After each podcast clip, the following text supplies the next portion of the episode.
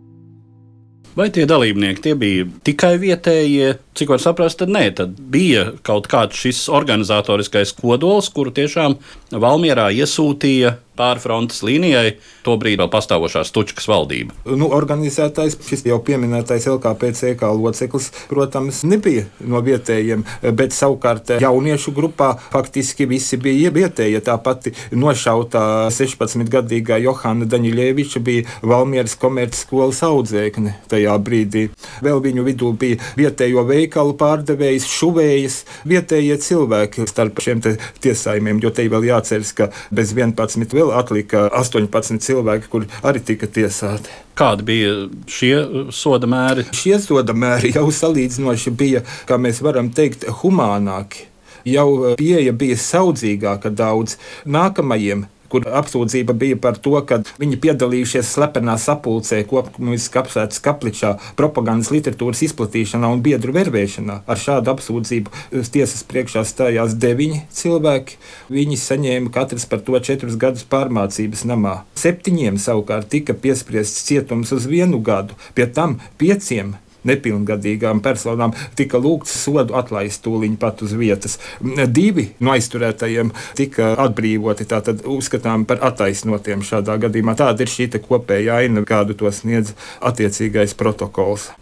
Padomju laikā, protams, par šo notikumu tika stāstīts attiecīgā ievirzē un attiecīgos toņos, un tur, protams, šie 11 katrā ziņā tika iztēloti kā īsti idejiski cīnītāji bolševiki, kuri aiz savas idejiskās pārliecības stājušies cīņā pret buržāzisko iekārtu, pieminēti tādi fakti kā sakaru nodibināšana ar Valmieras koncentrācijas nometnes ieslodzītajiem, Kas ir Valmieras koncentrācijas nometne? Tas ir jautājums, kas man arī nav zināms. Jūs varat komentēt. Un tātad, ka šī grupa tiešām bija apzinīga, organizēta, organizējusies ap pirmām kārtām, tiek minēts arī starp nošautajiem esošais Ernests Dītsmanis, vietējais jaunietis, nošaušanas brīdī arī tikai 18 gadus vecs, kā tāds idejiski pārliecinātāks un zināma tāda idejiskā kodola veidotājs, un tad, kā tiek pieminēts, Vēlāk pāri frontes līnijai ieradies eh, jau minētais kompartijas centrāla komitejas loceklis Ozols ar sagvārdu Ziedonis. Nu, ap šiem diviem veidojās pārējā grupa, kura pilnībā apzinājusies, ka tā cīnās pret buržāzijas varu Latvijā. Tas ir tas padomu ideoloģiskais rāmis. Cik lielā mērā tas vispār atbilst tam, kas varēja notikt patiesībā. Tad ir jāatgriežas atpakaļ pagātnē. Notikumu gaita jāpapildina ar tālākiem faktiem. Kas notika pēc tam? Pats spriedums tika izpildīts lielā steigā jau apmēram 7-8 stundas pēc pieņemšanas. Tālāk notikumi ar to nebeidzās. 1920. gada 19. janvārī Latvijas sociāldemokrātu frakcija Tautas padomē iesniedza steidzamu pieprasījumu valdībai. Pieprasījumu pamatojumā norādīja Feliks Cielēns, tad notikušais apkauno Latvijas valsti visas civilizētās pasaules priekšā. 1920. gada 8. martā tā brīža iekšlietu ministrs Arvids Bergs atbildēja uz šo sociāldemokrātu pieprasījumu, paskaidrojot, bēdīgākais Valmieras notikumos ir tas, ka cietuši bērni. Komunisti savā frontē pret mums nostādījuši bērnus. Nav mūsu vaina, ka tie dabūjuši ciest. Šādi izteicās Arvids Bergs tajā brīdī. Tam var piekrist, bet Var piekrist tam, ka, jā, ka jā, bērni ir savērvēti. Bet... Diez vai vajadzēja, un te mēs pieskaramies te, kāpēc taisnība ir sociāldemokrātiem, diemžēl post factum tikai.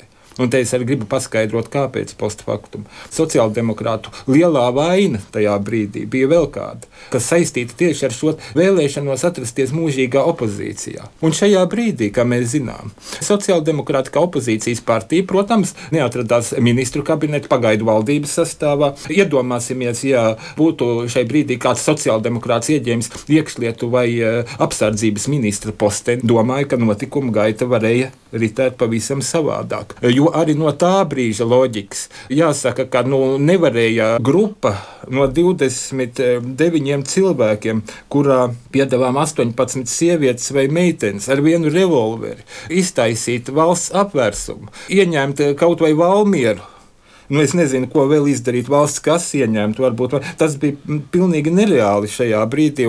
Šis spriedums, protams, viennozīmīgi ir jāvērtē kā pārmērīgi bargs. Jo te tiešām šajā gadījumā daudzām no tām sešām, kurām tika piespriezt nāvisots, to varēja aizstiet tiešām ar dažiem gadiem pārmācības namā. Tā kā šeit nekāda cilvēciska pamata tam būt nevarēja. Un arī jāsaka, nekāda tāda racionāla tajā brīdī, kad tas būtu uzskatāms nu, par tiešām apdraudošu situāciju Latvijas republikā. Jo atcerēsimies vēl vienu momentu, kāpēc es gribu vēl atgādināt un nosaukt vēlreiz šos divus datumus. 1920. gada 19. janvāris, kad sociāldemokrāti iesniedza šo pieprasījumu valdībai. Un tā paša gada 8. marts. Latvijas juridiskajā un militāri politiskajā situācijā kopš tā brīža, kopš 19. gada 22. decembra, kad tika izpildīts nāvisots, vēlreiz uzsveru, juridiski, militārajā un politiskajā situācijā pa šiem mēnešiem nekas būtiski mainījies nebija. Latvija vēl aizvien atradās kara stāvoklī ar padomju Krieviju. Ja varēja dažus mēnešus vēlāk lemt šādi, tas vien liecina, ka eh, šis spriedums bija krietni pārsteidzīgs un tiešām jāsaka par nožēlošanu priekš visiem padomju gadiem padomju propaganda, historiografija beidzot ieguva šajos nelaimīgajos bērnos, būtībā jaunās sievietes, mocekļus, kurus varēja tad eksponēt, kā es reizē mēdzu teikt, arī uz šī pamata vienkārši skalot smadzenes nākamajām paudzēm. Skatkom jaunieši jums jābūt 11 šo varoņu cienīgiem, reizē, protams, ganīt ļauno briesmīgo Latvijas republiku, kas šādiem drausmīgiem līdzekļiem izrēķinājās ar bērniem. Protams, ka tas bija liels trumpis vēlākā propagandā un kalpoja vai padomju varas pastāvēšanas laiku. Vispār ir jāsaka, ka Latvijā brīvības cīņas ja mēs salīdzinām ar to, kas notiek tepat diezgan tuvos kaimiņos, nu, piemēram, cīņas starp sarkanajiem un baltajiem somiem. Un nerunājot par visu to, kas notiek Krievijas pilsoņu karā, gan frontēs, gan, gan aiz frontes līnijas un tur, kur noteiktas frontes līnijas vispār nav bieži vien, tad tas pilnībā attaisnot to tēzi, ka pilsoņu kari ir nežēlīgāki un asiņaināki bieži vien nekā konflikts starp divām eh, valstīm, divām nācijām. Jo pilsoņu kara dalībnieki to pretējo pusi uzskata par divu tik vainīgiem. Tavi līdzpilsoņi, kuri ir tavā uztverē sacēlušies pret tavas valsts likumīgo varu vai likumīgo un tevis aizstāvēto kārtību, un tev ir tendence ne tikai tā sacīt, aizstāvēties, sakaut un padzīt, bet arī patiešām sodīt. Un tas ir tas moments, kāpēc pilsoņu kari parasti mēdz būt nežēlīgāki. Latvijā kaut kā nu, lielās līnijās izdodas um, no šīm savstarpējām brāļu izkaušanām izvairīties. Pat ņemot vērā to, ka bieži vien latviešu strēlnieki ir vienā frontes pusē un latviešu nacionālajie bruņotie spēki pretī otrā pusē, tad tās asiņainākās, nežēlīgākās cīņas izcīna šeit klātesošie svešu valstu spēki. Pirmkārt, vācieši, jo ar sarkaniem strēlniekiem vairāk kaušanās iznāk tieši Vācu Landesvēram un Dzelzceļa divīzijai. Un tāpat latviešiem nežēlīgākās kaujas ir nevis pret bolševikiem, kur, piemēram, Ziemeļlatvijā vispār Zemitāna nacionālajiem spēkiem latviešu sarkanie strēlnieki padodas gūstā veselām vienībām brīžiem. Ja? Un netiek apšauti, bet bieži vien kā vesela vienība pārformēta un ieskaitīta Ziemeļlatvijas brigādē. Tāpat laikā šis ir tas moments, kur uzpeld tas pilsoņu kara nežēlības gars.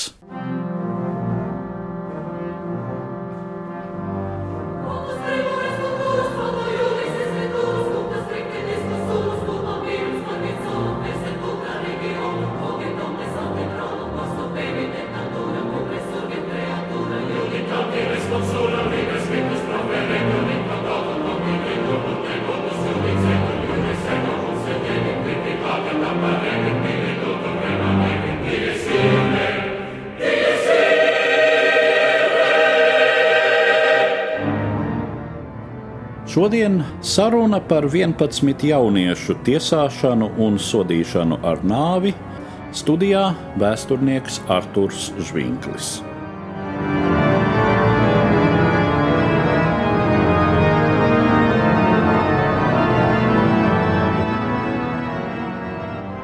Un, protams, jā, padomju propaganda. Man uh, gadījās pat uh, gatavojot šo raidījumu, nejauši internetā uziet uh, tekstu, kas bija publicēts 40. Eh, gados kādā Latvijas avīzē, pārstāsts par visiem šiem notikumiem, un tur bija tiešā tekstā teikts, lūk, šis gadījums prasa pēc atriebes buržuju slepkavām. Tātad būtībā ar šo momentu 40. gados Staļina laikā lielā mērā tika attaisnotas jau jaunas nežēlības, represijas.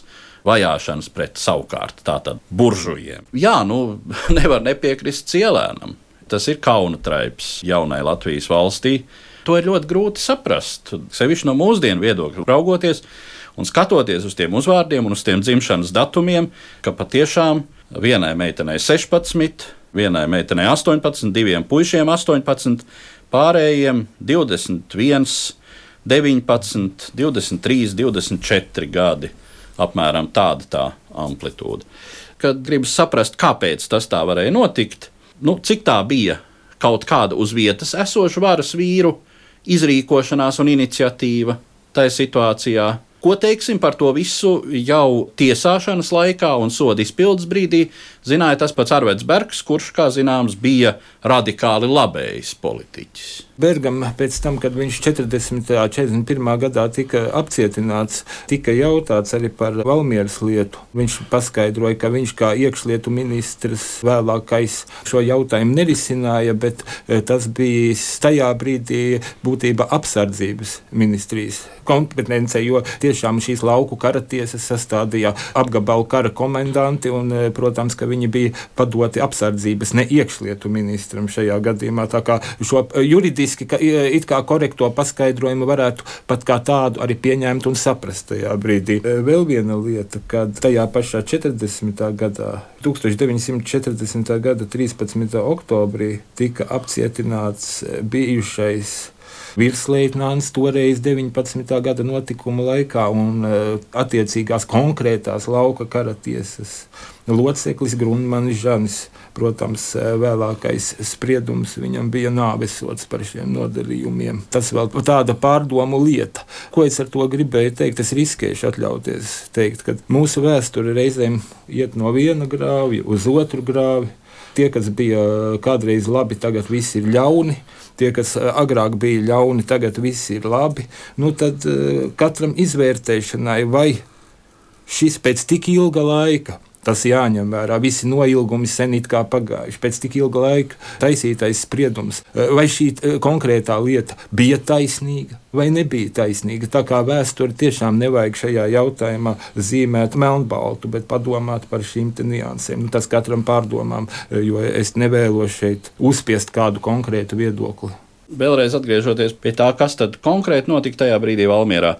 Kas motivēja konkrēto lauku kara tiesu tomēr būt tik nesaudzīgai?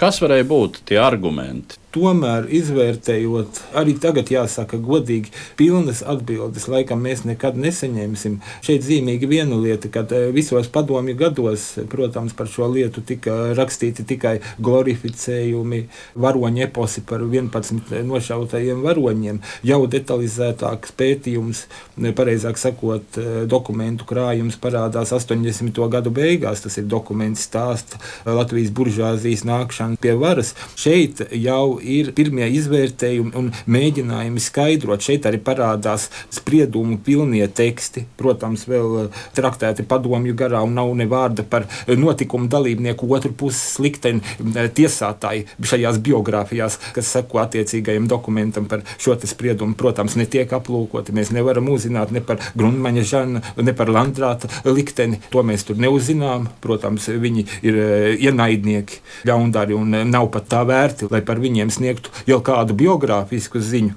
tad eh, šai krājumā tomēr korekti ir atzītas divas lietas. Pirmkārt, ka uz doto brīdi, uz 80. gadu beigām, tā arī nav izdevies izpētīt pat no padomju viedokļa šo 11 nošauto jauniešu likteni. Kaut vai runājam par to pašu Johānu Daņilēviču vai šīm pārējām meitenēm, tā tad nav izdevies. Tas arī ir viena tāda interesanta padomju laika pieejas īpatnība, kad likteņu un cilvēku dzīves prizmu noskaidrošana notika vai nu stereotipiskā garā, viņš ir varonis, cīnītājs par darba ļaužu lietu, kritis varoņa nāvē, un ar šīm standarta frāzēm viss bija pateikts vai arī, protams, nelietis nodevējs, bandīts vai buržuāzijas līdzskrējējs, un e, attiecīgi par viņu pat bieži vien e, varēja pat pilnīgi nepieminēt. Tā kā šāda moments ir. Respektīvi, nav jā. pateikts nekas par to, kas jā. tad tos puikas jā. un meitenes situācijā. Protams, godīgi arī pateikta viena lieta, kas ir zīmīga, jo tās jau ir 80. gadu beigas.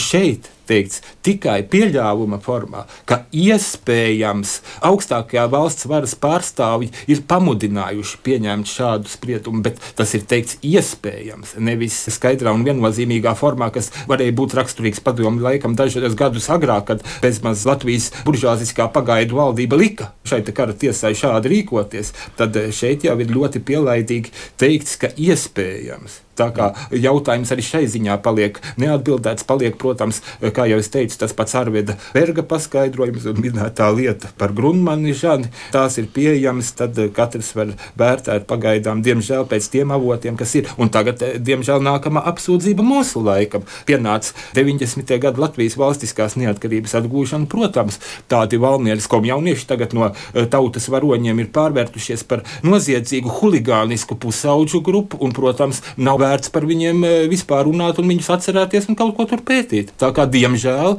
tas ir e, vispār valdošā nostāja. Diemžēl arī vēl daudzas, kā teikt, e, līdzi nāk daudzas problēmas. Nāk tas, ka vēl līdz šim laikam tā arī nav pat īsti sākta Latvijas kompartijas objektīvas vēstures pētīšana. Tā kā arī tas izpaliek. Šīs lietas ir ļoti savstarpēji saistītas, un tā vēsture, diemžēl, atkal paliek melnbalta, tikai apmainot varoņiem attiecīgi krāsas Barras, Baltic Lust Mähren und Nuotelat.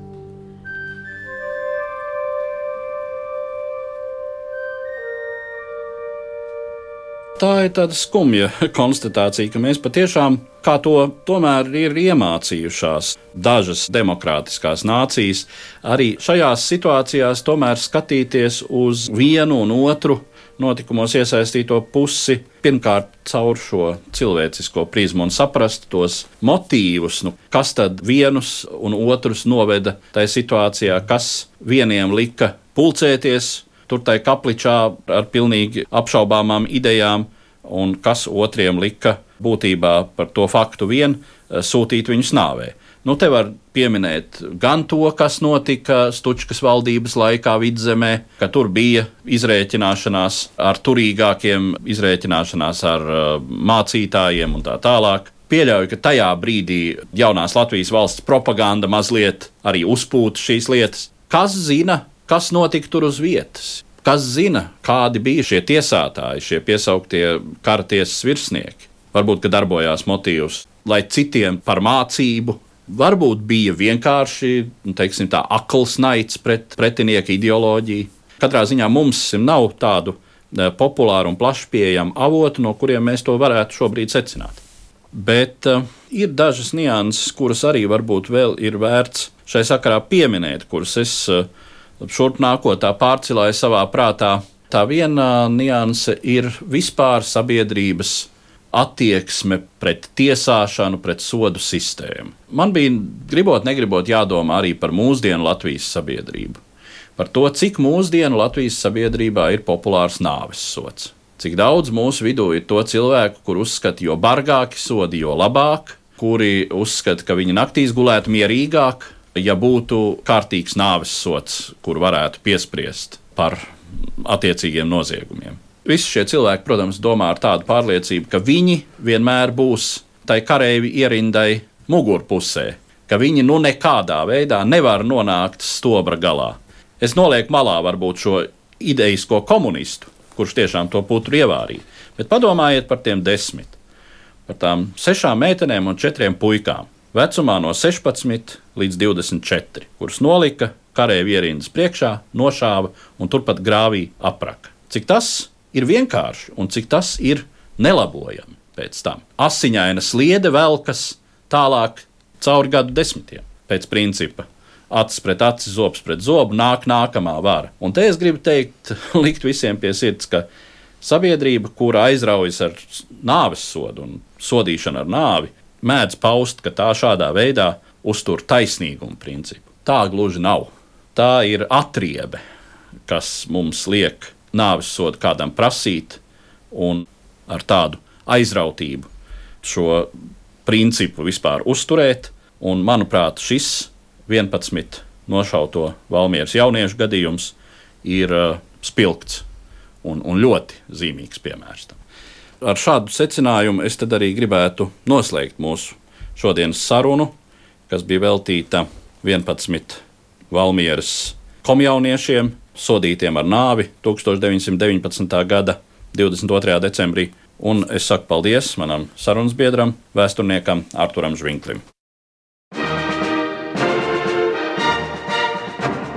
Par pagātni sarunājas Eduards Līniju.